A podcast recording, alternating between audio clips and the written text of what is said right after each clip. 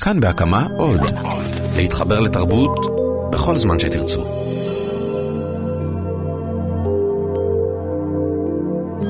שוב ושוב אני מוצא את עצמי נדהם מהעוצמה של הנוף במקום הזה. הכל כאן הוא מעין אשליה. קשה לי מאוד לשים את האצבע על ההרגשה המדויקת שלי כשאני נמצא כאן.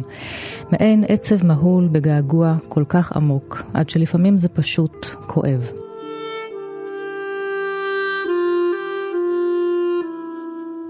ופחד, כמובן. מוזר, אבל הפחד לא מפריע לי בכלל. הוא חלק מהעצב והגעגוע. ולכן הוא מלווה אותי כל הזמן, אבל לא ישירות, אלא במעין התגנבות יחידים. כך הוא מופיע כשאתה לבד עם עצמך. והכוונה היא לא ללבד פיזית, אלא כשאני עוצר לרגע וחושב על הבית או על החברים, או על סיפור אהבה שעוד לא התחלתי עדיין. את הדברים הללו כתב אבי אופנר בעת שהותו בלבנון בשנת 1995. שנתיים אחר כך הוא נהרג באסון המסוקים.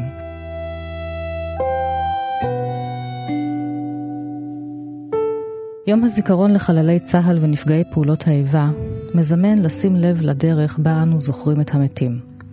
המשפחות השכולות והחברה הישראלית אינן זוכרות היום את חלליה כפי שהן זכרו אותם בראשית המדינה ובעשורים הראשונים. יש שינויים בצורות הזיכרון וההנצחה בין הזיכרון הקולקטיבי לזיכרון האישי והפרטי, שינויים בצורות האבל, והם חלק בלתי נפרד מדברי הימים של המדינה. היו מי שהנציחו באנדרטה שותקת, והיו מי שביקשו ליצור זיכרון אקטיבי, דינמי, כזה שיוצא מדלת האמות של המשפחה האבלה ומבקש לשתף את החברה, לשאת עיניים אל האחרים תוך כדי הזיכרון. ארבעה אורחים יהיו עמי היום בתוכנית, ואיתם אשוחח על הזיכרון של כל אחד מהם ועל הזיכרון שלנו.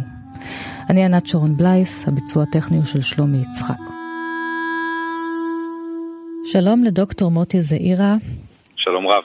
אח שכול של דדי, עודד, שנהרג במלחמת לבנון הראשונה. כיום אתה מנהל את המדרשה באורנים, אתה חבר קיבוץ גבעת חיים איחוד, היסטוריון, חוקר תרבות, וכתבת את הספר צרור חיים על התמודדות עם השכול והזיכרון בקיבוץ שלך, וגם את ספר הילדים אבא מספר על דדי, שמוקדש לאחיך, ובו אתה פונה אל ילדיך כדי לספר על הדוד שהם לא הכירו. אז אני אפתח ברשותך עם קטע מתוך אה, אבא מספר על דדי, כאמור ספר ילדים, שאתה כותב בו שירים בחרוזים על חייו של דדי וגם על מותו. אז באחד השירים ששמו אבא ודדי נלחמים בחושך, אתה כותב כך: לאבא ודדי היה מין הסכם. אם אחד משניהם מרוב פחד לא מצליח לישון, הוא מאיר את השני, ואז הם פוחדים ביחד. בין המיטות של אבא ודדי עומד עד היום ארון, שאם נוקשים עליו מהצד השני, מתעוררים בצד הראשון. וככה, כל פעם כשסבא וסבתא יצאו לבלות ולטייל, אבא ודדי נלחמו בחושך את כל מלחמות ישראל. כן. וחייו של דדי ממשיכים עם החרוזים עד השיר האחרון, דדי נוסע בלילה על הג'יפ. ופעם אחת כשהלילה ירד הוא עלה על הג'יפ הרועש ונסע לו בחושך. בכלל לא פחד. הוא נסע ועלה על מוקש. הג'יפ התהפך ודדי נפל וקיבל מכה איומה ודדי שלנו מת בו ברגע ונשאר שם שוכב בדממה. אחר כך הביאו את דדי לחיפה וקבור הוא בבית הקברות בין הפרחים ומתחת לאבן. אי אפשר שם את דדי לראות. תספר לי קצת על דדי. דדי הוא האח שצעיר ממני בארבע שנים. עברנו את זה אומר, ויש לנו עוד אח צעיר יותר. אומר שעברנו את כל ילדותנו בנווה שאנן חיפה ביחד, עם אותן חוויות, עם אותם הורים שעד היום, תודה לאל, חיים. וצברנו ביחד את כל חוויות הילדות האלה, שהן בעצם הבסיס לספר, כי כשהייתי צריך לשאול את עצמי מה אני מספר לילדיי, שלא יכירו אותו, עליו, אז רציתי לספר את הדברים שהם הדברים של מלאי חיים, והוא באמת היה כזה, הוא היה רקדן, ספורטאי, אחרי זה היה גם קצין בצבא, בצנחנים, בנחל ובצנחנים, כלומר אדם שבאמת אה, אהבו לאהוב אותו, וכמו שאמרו לא מעט מחבריו וחברותיו מאותה תקופה, ששומרים איתנו קשר עד היום, אמרו שהוא מת צעיר, הוא מת, מת בן 22, מספיק כדי להישאר ממש סמל לדבר, לדברים שהם הכי אוהבים לילדותם ולנערותם לפני שהתקלקלה. כלומר, באמת היה בו משהו מאוד שובה לב ושובבי ומחויב לאידיאולוגיות מפה עד מחרתיים. והוא נהרג, הוא היה קצין, ב... הוא היה קצין בנחל ובצנחנים, ועלה ללבנון יחד עם כמה מחייליו, ואחרי זה חזר לאימון הקמה באזור ג'נין, אה, ובכלל עלה ב... בסיור לילה אה, על מוקש דווקא מתקופת אה, מלחמת ששת הימים, כלומר הוא נלחם ב- בלבנון, אבל נהרג מפגז מהמלחמה הלא נכונה, משתי מלחמות קודם לכן. אבל מוות הוא מוות ופגז הוא פגז וג'יפ זה ג'יפ. עכשיו שאתה מספר לי את זה, זה ממש נשמע כמו השיר שכתבת, הנה כל מלחמות ישראל שאתם נלחמתם בהם בחושך בלילה, כן. פתאום אה, מכונסות בתוך מותו. כן. אתה כתבת את הספר על זה כספר זיכרון, ואתה גם עוסק בתרבות יהודית, כן. אה, בהיבטיה השונים, בבתי מדרש חילוניים שאתה גם הקמת. אבל הספר השני שאני רוצה להתייחס אליו, צרור חיים, עוסק בהתמודדות אה, של קיבוץ גבעת חיים איחוד שבו אתה חי. עם אובדן של שמונה בנים במלחמת יום הכיפורים. כן. למעשה אתה מתאר את החמיקה מההתמודדות, את קבלת הדין ואת הניסיון לחזור לשגרת החיים, הרבה פעמים דרך העבודה, ולא ליפול לבכי. עד שקורה אירוע מסוים, תכף נידרש אליו. אז אתה בכלל מטפל בנופלים אחרים, במקום אחר, במרחב אחר, בקיבוץ, גם כדרך להתמודד כן. עם האסון שלך ושל המשפחה. אני חושב שהדבר המיוחד בתוך הסיפור של אה, קיבוצי, של קיבוץ גבעת חיים איחוד, הוא אה, קשור לכך שזאת קהילה שבניה ובנותיה מאוד אה, מחויבים לאורך כל ההיסטוריה ל, ל, ל, לצאת לקרבי ולהשתתף במלחמות ישראל, והמחיר, וזה גבה מחיר דמי מאוד גבוה מהקהילה הקטנה הזאת, כי זה לא רק שבמלחמת יום הכיפורים נהרגו באותה מלחמה אה, שמונה בני, בני הקיבוץ, אלא שזה מצטרף לעוד שמונה שנהרגו במלחמת ששת הימים ובמלחמת ההתשה, כלומר תוך שבע שנים איבד הקיבוץ אה, 16 מבניו, ממש פחות או יותר מאותם שנתונים, מאותן כיתות. זאת אומרת, זה ממש טראומה קהילתית. עכשיו, כיוון שהקיבוץ הזה הוא קיבוץ שיש בו הרבה מאוד, אה, זה לא שמתעלמים, חס וחלילה, וגם יש ימי זיכרון והכל, אבל אה, היה חלק מהיכולת להתמודד, במיוחד על רקע האופי היקי של המייסדים, וגם של בני הארץ שדאגו לשמור ככה שהרגשות אה, יישארו בפנים, אז החזרה לתפקוד, לעבודה, לחיי תרבות מלאים, לכל הדברים האלה, אה, הדבר הזה היה הדבר הראשון במעלה, ולכן את הכאב האישי, שכמובן הרגישו אותו בכל בית בקיבוץ, כי בכל בית באיזושהי דרך היה קשור לסיפור הזה, ברמה הפומבית, ברמה הציבורית, היה לזה ביטוי מאוד מאופק, כי אצלנו לא בוכים, בבית הקברות לא בוכים, אני אומר אז, בשנות כן. 73, ובכלל בחברה הישראלית זה היה חלק מה- מאתוס ההת- ההתמודדות. עם האיפוק הזה, לא ל... לגלות רגשות זה מחליש. שזה היה. נכון גם לגברים אבל גם לנשים. ואז מתפרסמת הרשימה של חייל ש- ששב משדה הקרב של ארנון לפיד, ששמה הזמנה לבכי. לבכי. ובה הוא מזמין את עם ישראל למסיבת בכי, ואני קוראת uh, כמה שורות uh, מתוכה. כמה שעות לפני שנפל אוריאל, זה בחור שהוא לחם איתו, בטרם ניתנה הפקודה לצאת מן השוחות ולרוץ קדימה, נפלה החלטה חפוזה בינינו לארגן מסיבה גדולה לאחר המלחמה. אוריאל הבטיח לשלוח לי הזמנה מודפסת בזהב. בצהריים הייתה גם גופתו מונחת מכוסה בשמיכה. מוזר שחשבנו על מסיבה. אני, וזה הוא כותב ארנון, אני רוצה לשלוח לכם הזמנה לבכי. היום והשעה אינם חשובים, אך תוכנית הערב, אני מבטיח, תהא עשירה. בכי, נבכה שעות וביחד, כי לבד זה לא יוצא לי. במשך כל המלחמה רציתי לבכות ולא יכולתי. עכשיו זה ילך. זה מוכרח ללכת, אין דבר שיעצור בעדנו. ואז מגיעות תגובות, ואחת התגובות היא מה, מהקיבוץ אה, אם ושמה לוטה ששכלה שני בנים כן. והיא כותבת לא, לא לבכות הם היו רוצים, אה, הבנים שלה שנפלו. אתה מכיר את מסדר הנופלים של חיים חפר? שם הם אומרים סליחה, כן. אבל היינו מוכרחים. מוכרחים, כן. וה, וה, והמכתב הזה מתפרסם עוד ועוד, והארץ רועשת, וגם חנה זמר העיתונאית בדבר כותבת לו מה, מה פתאום לרחם, ועושה השוואות לשואה. כן, והוא מתעקש שצריך לבכות. כן. וזה הזיכרון הנכ- הנכון. אפשר לומר בכלל, ב- זאת אומרת, קודם כל ארנון הוא בן הקיבוץ ומהגילאים האלה, וכל ה- מה שפתחתי וסיפרתי על אותם 16 איש תוך שבע שנים, הם כולם חבריו, זאת אומרת, זאת חוויה, חוויה ממש אישית חזקה שלו. והקריאה לבכי, חש... חשיבותה הייתה ההזמנה לבכי שהתפרסמה באמת בכמה וכמה במות אה, תקשורת של אז, חשיבותה מבחינת התרבות הישראלית היא גדולה. זאת אומרת, זה בעצם היה הסדק הראשון בחומת ה... בחומת, בחומה הבצורה הזאת שאיפוק ואי הפגנת רגשות, אה, זה הדרך, זו הדרך הנכונה להתמודד, זה עוד מימי מלחמת השחרור, עבור ששת הימים ו, ובעצם מתחיל להיסדק במלחמת יום הכיפורים, כלומר חלק מדפוסי האבל והאובדן בחברה הישראלית והשכול משתנים, ויכולת הביטוי של הרגשות והיכולת לבכות עובר, הופכים להיות הדרך ה... היותר נפוצה ויותר נכונה אולי, בדיעבד אפשר לומר כחוקר תרבות, ולא רק אני אומר את זה, רבים אומרים את זה, זה היה ממש אבן, אה, מין אה, אבן דרך כזאת בהתמודדות של החברה הישראלית עם השכול וביכולת להגיד לא רק להפגין את האיפוק ואת ההבלגה, אלא גם את היכולת להביע רגשות מבלי שהדבר הזה יחליש, אלא אולי במובן אפילו רב אה, מחזק. ולמה זה קרה אז, אחרי 73?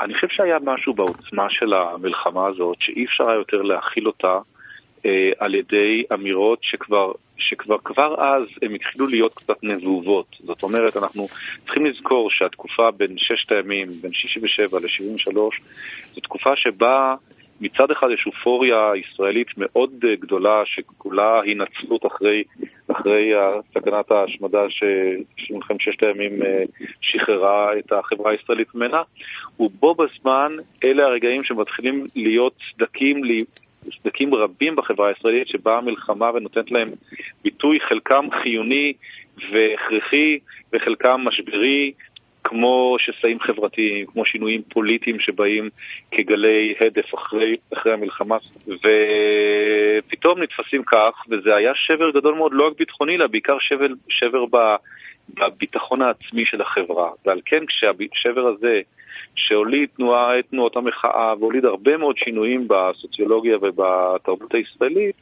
זאת התקופה שבה אה, רב, רבות מ- מהסאטירות וספרות הביקורת של התקופה באות לידי ביטוי, כי זה כבר לא המנהיג אמר ואנחנו הולכים, אלא, ו- ומקריבים את עצמנו, אלא שואלים שאלות, לפעמים שאלות כואבות, לפעמים שאלות בלי תשובות. ואתה גם מתייחס אה, להנצחה בארץ אה, שנעשית בטקסים, הרבה אנדרטאות, זאת הנצחה קולקטיבית, ולאט לאט התחילו להתפתח אפשרויות אחרות, חלקן אישיות יותר. בשנים האחרונות גם אה, יש כיתוב אה, אישי של המשפחות על הקברים. והנצחה אישית יכולה להיות קשורה במפעל חינוכי או תרבותי, שהוא משהו שהוא לא, הוא לא אנדרטה, הוא לא סלע, הוא כן. משהו דינמי יותר שהזוכרים יכולים לקחת בו חלק. כן. אה, ואתה מתאר ויכוחים בקיבוץ, הישיבות של הקיבוץ הידועות על הדרך שבה הנציחו את הבנים, ואתה כותב שם באמת על ריבים שהם קורעי לב, כי כל משפחה רוצה שינציחו אחרת. אחת רוצה אולם ספורט, ואחרת רוצה חדר מוזיקה. אבל אני חושב שמה שבמובן יותר רחב, אנחנו יכולים לראות שגם בחברה הישראלית כולה, הקיבוץ הוא פרוטוטיפ בעניין הזה, יש מסע, אה, יש מתח קבוע בין הנצחה קולקטיבית, בין אה, ל, ליחידה או, ל, או לחטיבה או, ל, או למה שזה לא יהיה, הר הרצל וכולי, לבין הדבר שהוא, וזה הולך יחד עם התנועה הכללית של החברה הישראלית מראשית המאה ה-20 ועד ימינו, של uh, מקולקטיביזם כזה או אחר, גם פוליטי, גם רעיוני, גם, uh, גם חברתי, אל אינדיבידואליזם של המאה ה-20 או המאה ה-21. ולכן גם בדפוסי הזיכרון אפשר לראות את זה שכבר כמעט לא מדברים באנחנו, ברבים, אלא תמיד מדברים ביחיד. הסיפורים האישיים, במיוחד ב, ב, בימינו אלה, כשהכול גם הרבה יותר נגיש וגמיש וכל אחד יכול להקליט שיר בביתו ולהפיץ את זה ברשת, והכתיבה והוצאת ספר היא כבר לא דבר כל כך מסובך, אלא אדם יכול לעשות את זה מהמקלדת הביתית שלו. אתה שייך לדור הזה שיצא מן הקיבוץ, הקיבוץ הזה שבעט בכל המסורת והערכים הדתיים ובגלות.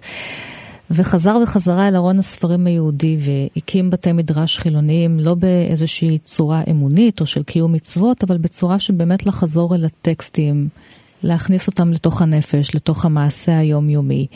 כן. זאת גם דרך uh, של זיכרון עבורך? כן. תראי, כן, בהחלט, אני אגיד לך. בל אה, שהיה מראשי תנועת העבודה, אמר באחד המשפטים המפורסמים שלו, אמר, שני כוחות ניתנו לנו, זיכרון ושכחה, ואי אפשר בלי שניהם. כי אם היינו רק זוכרים את הכל, אז היינו מתמוטטים תחת נטל ההיסטוריה ולא מסוגלים לעשות שום דבר.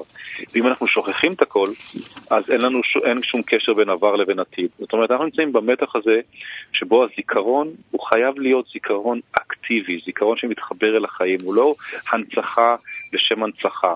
הוא לא עומד בזכות עצמו, זה לא כל כך חשוב הדבר הזה, מה שחשוב זה איך אתה לוקח את הזיכרון של אחי שנהרג, של חבריי מהקיבוץ שנהרגו, של כל נופלינו ב, ב, בחברה הישראלית, ואתה יחד איתם עושה דברים כדי שהחברה שלנו תהיה יותר טובה, כדי שהתרבות שלנו תהיה יותר עשירה, ולא אה, עושה את זה רק באיזה רמה של התעסקות אגואיסטית בעצמך, אלא מתוך הבנה שבמתח בין יחיד לבין רבים, בין עבר לבין עתיד, בין זיכרון לבין שכחה, במתח, בקיום המתח הזה, אפשר להתקדם קדימה למקום טוב יותר. דוקטור מוטי זעירה, אח של אה, דדי, עודד, שנהרג במלחמת לבנון הראשונה, היסטוריון וחוקר תרבות, תודה, להתראות. תודה רבה, להתראות.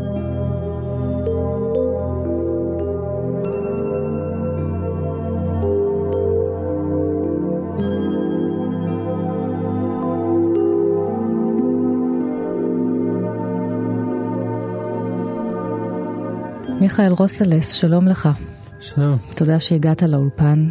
אתה אחיו של ישי, שהיה סגן בגדוד הנחל החרדי ונהרג בשנת 2016, לפני שנה, בתאונת אימונים בבסיס צאלים שבנגב. נכון. המשפחה שלכם עלתה לארץ ממקסיקו ב-2001, אני מניחה עם חלומות. הרבה חלומות, הרבה דברים מעבר, הרבה קשיים גם בדרך כשהגענו לפה. זה... למה רציתם לגור בארץ? בואו נתחיל מהסיפור הזה. זה יותר מתחיל מסבא ואבא שלי. אה, סבא שהתחיל עם היהדות במקסיקו, ומשם אה, הבנים, שזה כביכול ההורים שלי, אבא התחיל גם ללכת אחרי היהדות. מה זאת אומרת התחיל עם היהדות, לחזור? לחזור בתשובה, כאילו, להיכנס ליהדות ממש, כמו, כמו יהודי, שומר שבת, דברים כאילו, כל, כל בסיס, אה, כל בסיס יהודי כביכול שיש שם. הוא הבין שלגדול בארץ שהיא לא יהודיה, שלא, שזה לא העם היהודי, קשה מאוד לגדול ולהישאר יהודי. אז זה בעצם מה שגרם לו יותר לדחוף קדימה ויותר להינעל על זה, ולבוא לארץ. בני כמה הייתם? בן כמה אתה היית? אה, היינו שלושה, היינו אני והייתי בן שש. ישי? ישי היה בן שמונה, ויש לי אחות שהייתה בת אה, 11. ואחר כך עוד שני ילדים אה, נולדו כאן. עוד שתי אחיות שלי, שתי בנות שנולדו כבר כאן. כן. תספר לנו על ישי.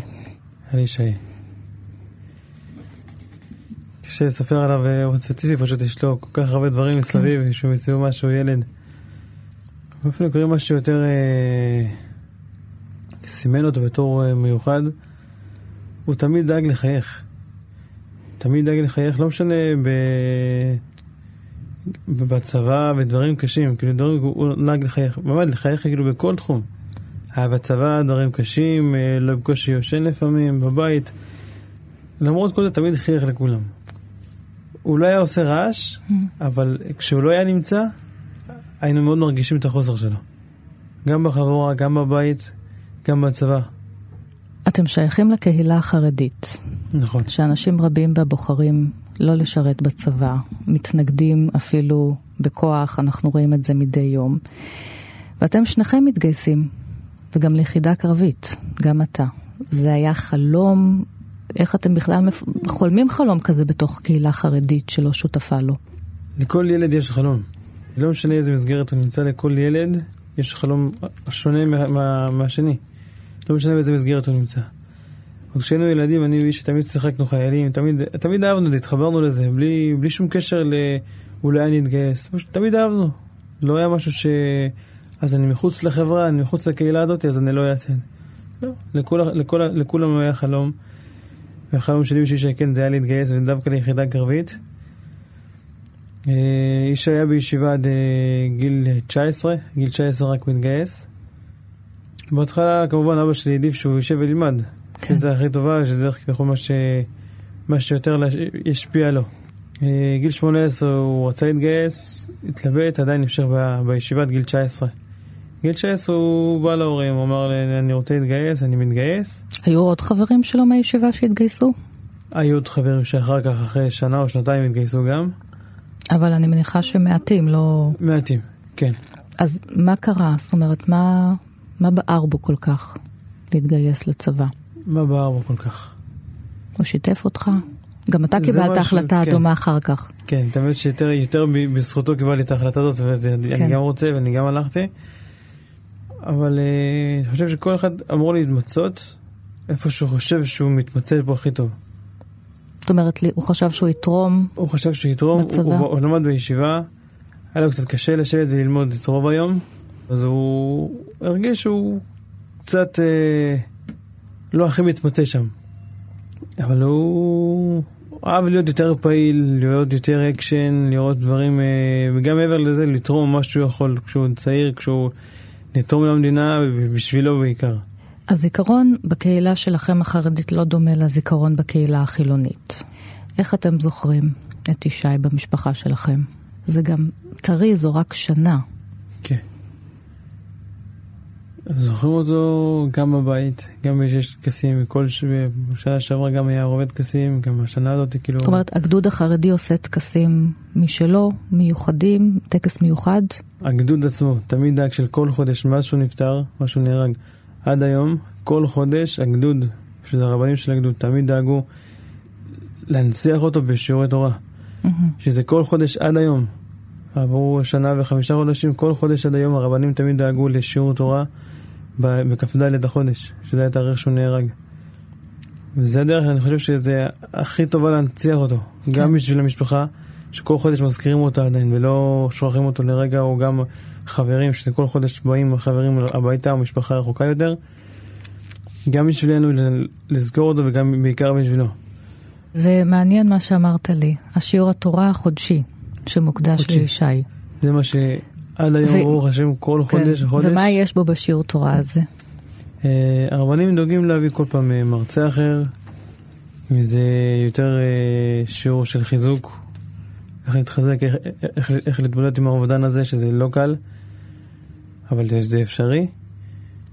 וכי יותר, יותר בעיקר לחזק את המשפחה. איך אתה מתמודד כאח שכול? איך אני מתמודד כאח שכול? איך אתה זוכר כאח שכול? לסגור, תמיד לזכור אותו. גם יבואו 20, 30, 50, 60 שנה, אני תמיד לסגור אותו כאילו זה... אתמול חווינו משהו ביחד. לסגור, תמיד לזכור. איך מתמודדים עם זה? דווקא אני חושב שב... בעיקר, בעיקר אני מתמודד עם זה בעיקר בגלל האמונה. בגלל האמונה שיש לי בבורא עולם, שהוא נותן את הכוח, הוא נותן ניסיון, נתן משבר למישהו מסוים, הוא נותן את הכוחות האלה להמשיך קדימה ולהתמודד עם זה. ברוך השם, אני חצי שנה אחרי שהוא נהרג, אני התחתנתי, אז כאילו זה מראה לי שהחיים ממשיכים קדימה הרבה יותר, כאילו, אי אפשר לעצור. יש פעמים שאתה רוצה, רוצה לעצור, אבל אתה לא יכול. אסור לך, אסור לך להישבר, כי יש לך משפחה מאחוריך ויש לך הורים שאתה אמור לתמוך בהם. ובעיקר אתה, עם הזמן אתה מקבל את זה הרבה יותר באהבה ממה שקיבלת מבור העולם, שזה לא קל. כן, אני חושב שזה הדרך היחידה להתמודד את זה בעיקר, בעיקר האמונה. שאתה מאמין שזה ממנו מה שקרה, ולא משנה איך זה קרה, אם זה תאונת אימונים, אם זה בלוחמה, אם זה ב... ולא משנה איך זה קרה. בסופו של דבר ככה ברור לנו שזה רצה. מיכאל רוסלס, אחיו של ישי שנהרג בשנת 2016 בתאונת אימונים בבסיס צאלים שבנגב. אני מאוד מודה לך תודה ששיתפת. תודה רבה. יהיה זכרו ברוך. תודה להתראות. להתראות.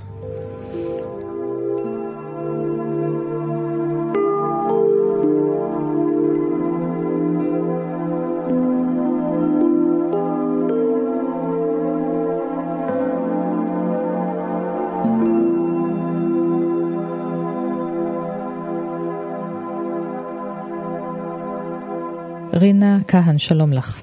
שלום ענת.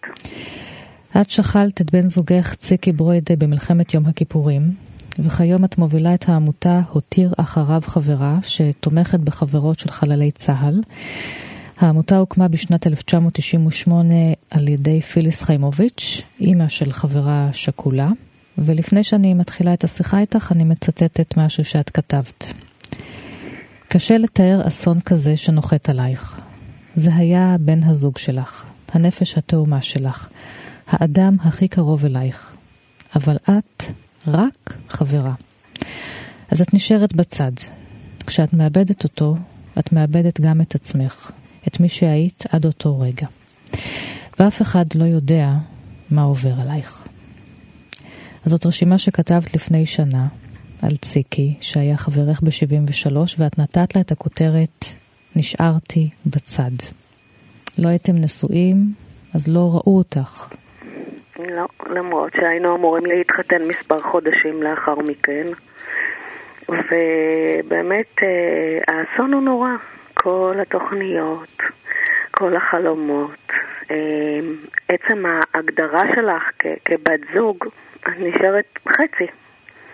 ובאמת אה, את כבר מפסיקה להיות את אותה ילדה שמחה, עם משקפיים ורודים, שהיית עד לאותו רגע. ואת לא יודעת איך להתנהל בעולם הזה. את לא רוצה להתנהל בעולם הזה, אין שום טעם בחיים האלה. תחזירי אותי בחזרה ל-73, איפה את וציקי כשפורצת המלחמה? ציקי ואני היינו חברים שלוש שנים. אה, ליוויתי אותו בעצם מאז שהוא סיים קורס אה, מפקדי טנקים, דרך קורס קצינים, השנים שהוא היה בסיני, ככה שנים ש... שחברה צעירה מחכה לבן זוגה שיבוא, לא היו טלפונים ניידים ורוב הזמן את עסוקה בגעגועים.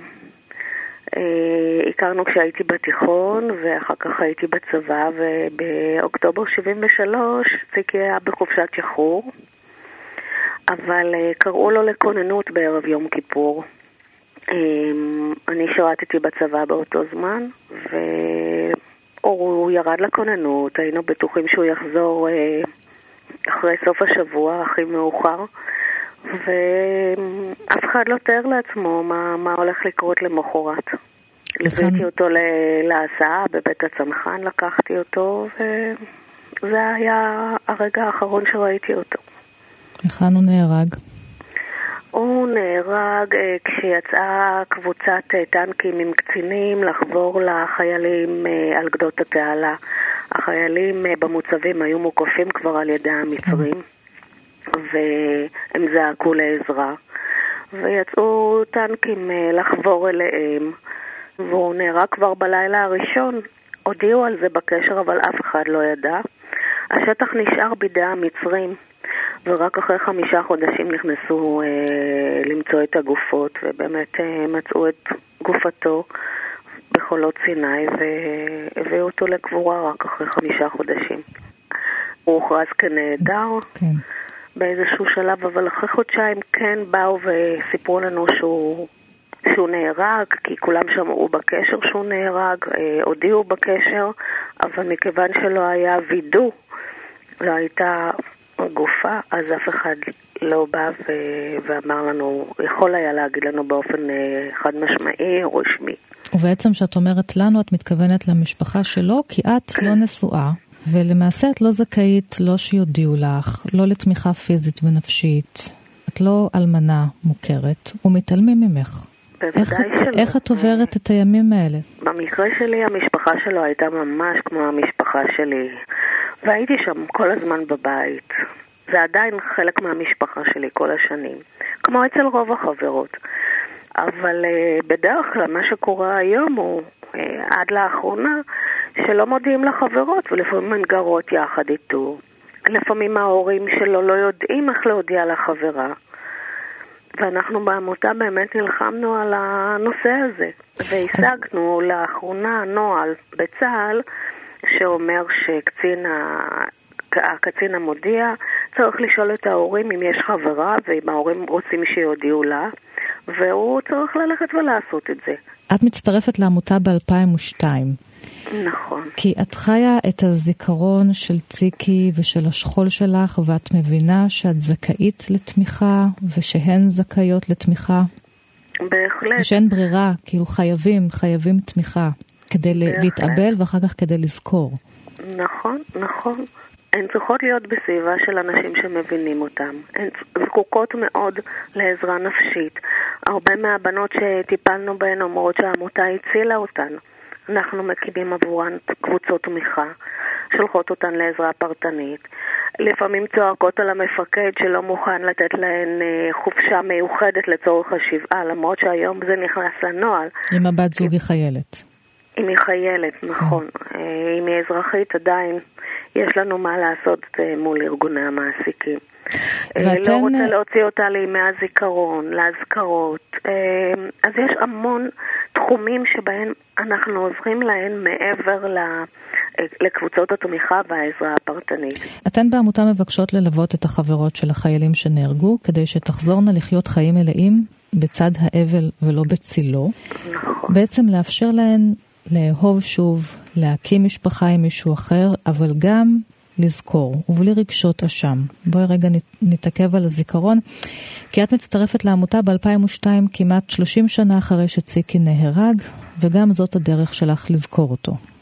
אני נמצאת שם כי הבנות יודעות שאני עברתי את התקופות הנוראיות האלה שהן עוברות, שאני מבינה אותן, שאני אשלח אותן לאותה עזרה.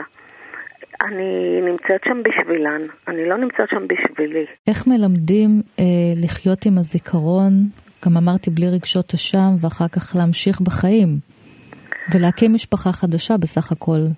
אה, אה, נשים צעירות, את היית אישה צעירה.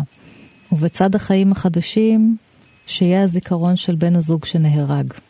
זה נכון שבשנים הראשונות יש הרבה תחושות של אה, אולי בגידה בו, של אה, בחירה בלהיות איתו, אה, הרבה מחשבות האלטרנטיבה של מה שיכול היה להיות. אבל עם השנים, אני קוראת לזה שתי תקופות. יש תקופה שמבחינתי נקראת געגועים, שזה אומר שאת לא כל כך בוחרת בחיים שיש לך היום. אבל התקופה הזאת נמשכת לאורך שנים אחדות או תקופה מסוימת, ולאחר מכן נשאר הכאב. הכאב ילווה אותך לאורך כל חייך, אבל הכאב לא ינהל את חייך. כי בתקופה הראשונה, מה זה לצד האבל? לצד האבל זה לחיות חיים מלאים ומספקים ומאושרים לצד הזיכרון הזה. כן.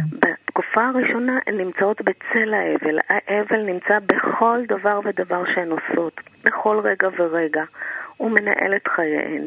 הוא לא מאפשר להן לחיות בצורה לגמרי חופשית. דיברנו קודם על זה שאת היית בצד, אז שהן לא תהיינה בצד, אלא שהאבל יהיה בצד. והזיכרון של בן הזוג אה, יישמר בצורה מכובדת. יש לי שאלה לסיום, רינה. מאחר שאתן אה, עמותה של נשים למען נשים, אתן חושבות על הזיכרון של החיילים שנהרגו אחרת? אתן מגדירות אותו אחרת? כי יש כל מיני דרכים לזכור בחברה הישראלית. אמ, אנחנו יצרנו לנו בתוך העמותה אמ, כל מיני נהגים, מנהגים שלנו, אה, כמו אה, טקסים, כמו הצמדת בנות ותיקות לחדשות. אמ, כל האינטראקציה בין הבנות היא מאוד מיוחדת. יש לנו דף פייסבוק סגור שלנו שבו הבנות מבטאות ותומכות אחת בשנייה. אה, כן, יצרנו לנו מין תרבות שלנו, של העמותה, שהיא מאוד ייחודית לנו. אמ, אני לא ציינתי שבעמותה שלנו לפעמים יש גם בנים, מכיוון שיש חיילות שנפטרות בזמן שירותן הצבאי, מסיבות שונות. ומה אתן עושות ביום הזיכרון עצמו? אה, אנחנו בדרך כלל מתכנסות לפני יום הזיכרון. חשוב לנו להיות יחד בכדי קצת להקל על הלחץ שלפני יום הזיכרון.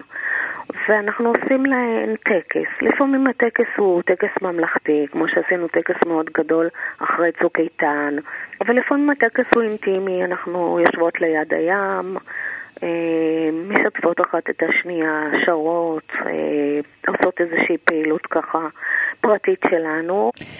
רינה כהן, מן העמותה הותיר אחריו חברה התומכת בחברות של חללי צה"ל, ואת עצמך שכלת את אה, בן הזוג שלך, ציקי ברוידה, במלחמת יום הכיפורים ב-73, ועוזרת לאחרות לא להיות בצד ולזכור. תודה רבה לך. תודה רבה. להתראות.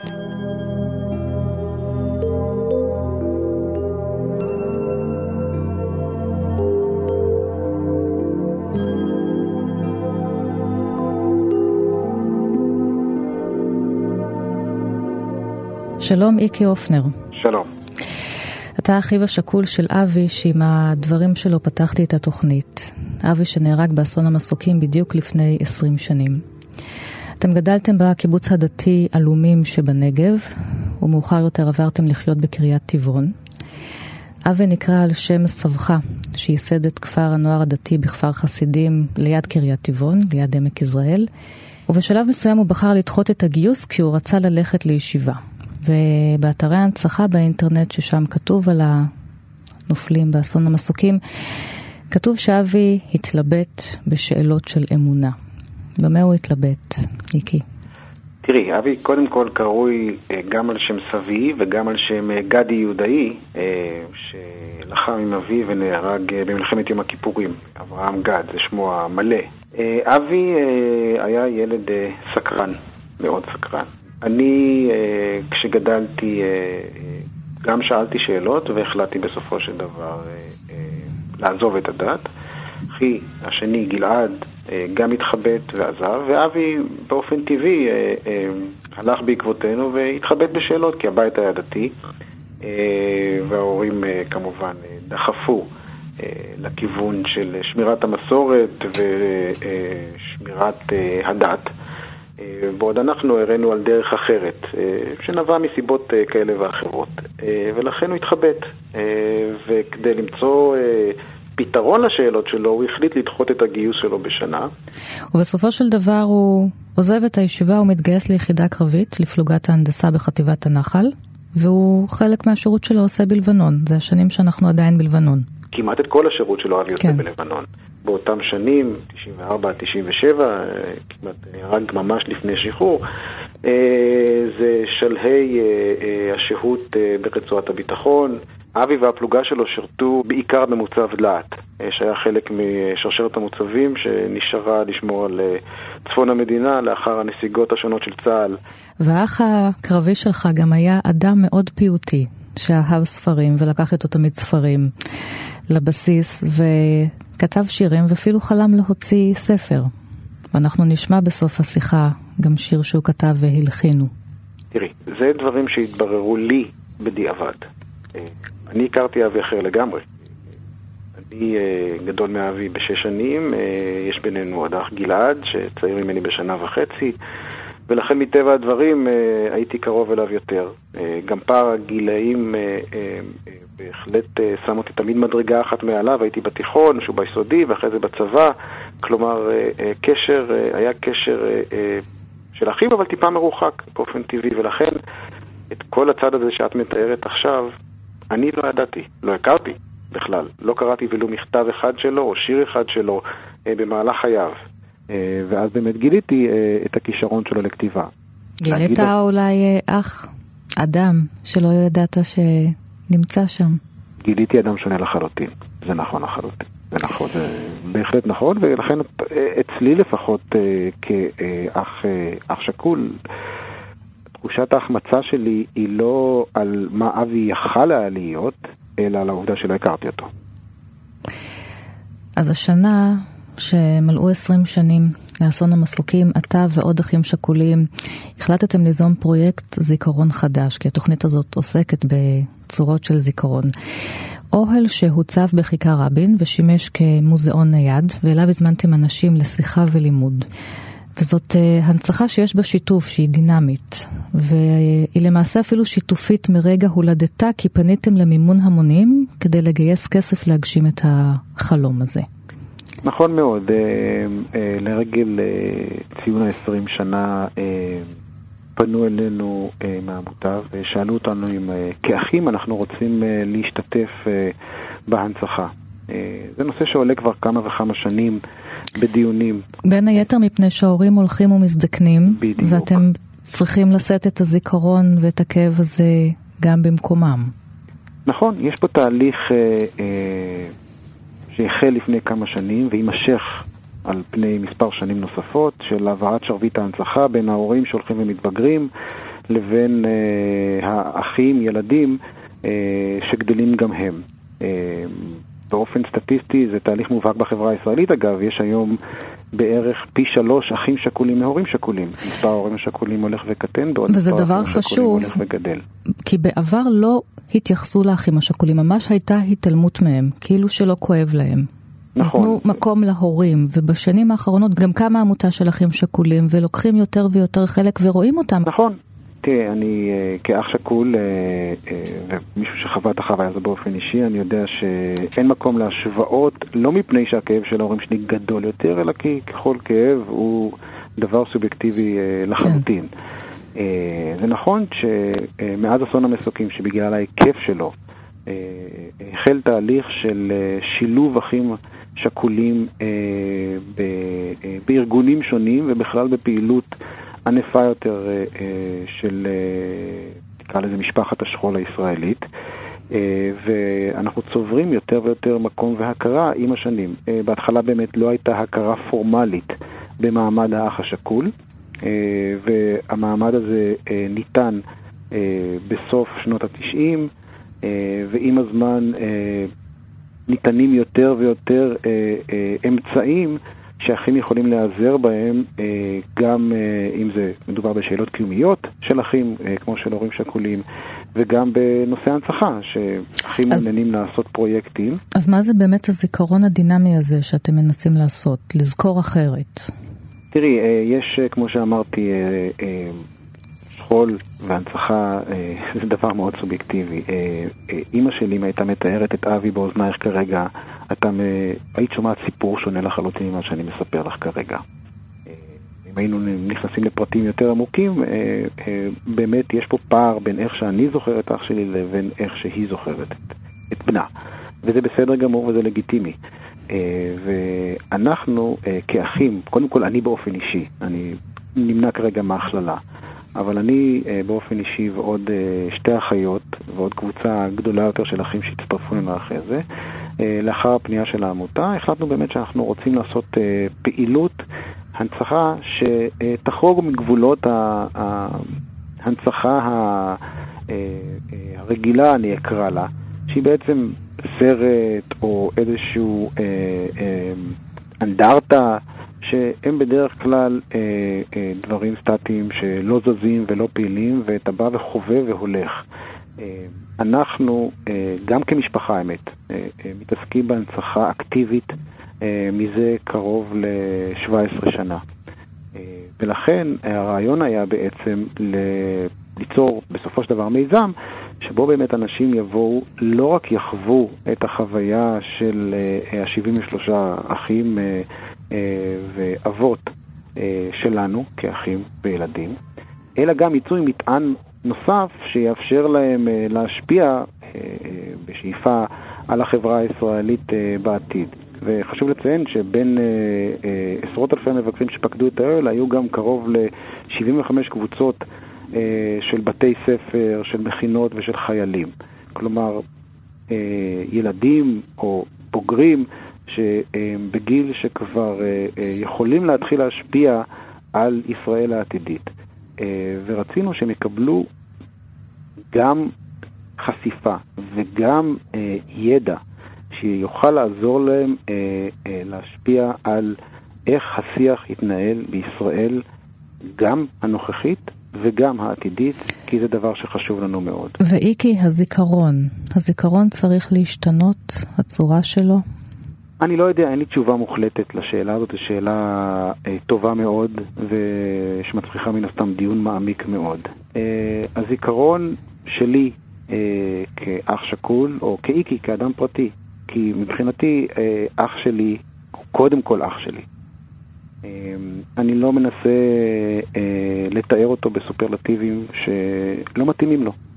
אה, הוא קודם כל היה אבי, ומבחינתי ככזה הוא יישאר. אז אה, אני כן יכול לקחת את הזיכרון של אבי ושל החברים שלו והפעולות שהם עשו, אה, ו- כלומר, יש מספר אלמנטים חשובים כמו ערכים של התנדבות, של קבלת האחר, של פטריוטיות, שעוד פעם, אני מוציא את זה כרגע מהשיח הפוליטי, כן. אה, המחנאי, הם עומדים מעל כל הערכים האלה, הם ערכים ישראלים דבר ראשון אה, אה, אה, באופן מוחלט וברור. ואני רוצה שהצעירים של היום יסתכלו על מה שאחי ו-72 חבריו, ובכלל הרבה מאוד מהנופלים במערכות ישראל ייצגו על ידי זה שהם התנדבו לצבא והם עשו דברים כאלה ואחרים. בדרך החוויה שלנו, כאחים שכולים והאובדן שלנו, ינסו ללמוד משהו על ישראל של אז, ולהקרין ממנה על ישראל של היום ואיך שישראל העתידית תרצה לראות. לכן אני בהחלט מרשה לעצמי אה, לקחת את המטען האישי שלי ולנסות ללמד את הצעירים של היום משהו דרך העיניים של האח שלי ושל חבריו. וזאת השאיפה שלי, מבחינתי זה זיכרון. אז גם העשייה שלכם, גם השיחה, גם הקשב. נשמע לסיום שיר שאחיך אבי כתב, רוח בסערה, והוא נתן אותו לאמך בפעם האחרונה שבה הוא היה בבית. השיר הולחן ובוצע על ידי רחל ירון במסגרת פרויקט הנצחה שנעשה בגלי צה"ל. איקי אופנר, אני מודה לך על השיחה. תודה רבה. להתראות.